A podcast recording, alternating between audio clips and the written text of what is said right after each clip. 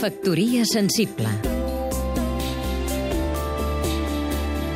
Daniel Giral Miracle, crític d'art. Uh, George Bush, el que va ser president dels Estats Units d'Amèrica, sembla que s'avorreix.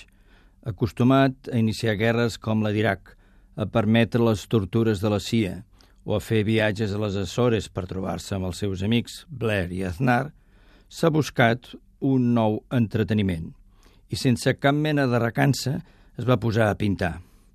I, com no en tenia prou en fer-ho en la intimitat, va decidir ensenyar el seu treball.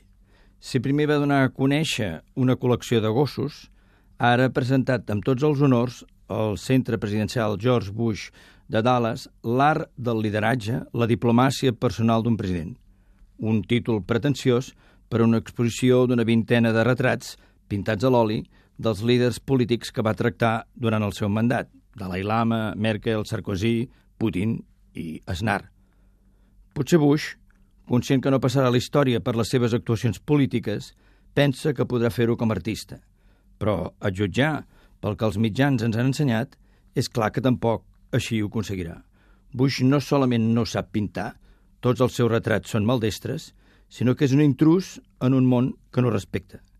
Atrevir-se a ensenyar aquests bunyols és un insult a l'art i també als retratats, perquè el que no es pot negar és que Bush és un autèntic agosarat.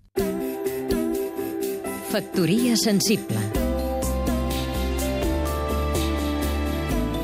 Seguim-nos també a catradio.cat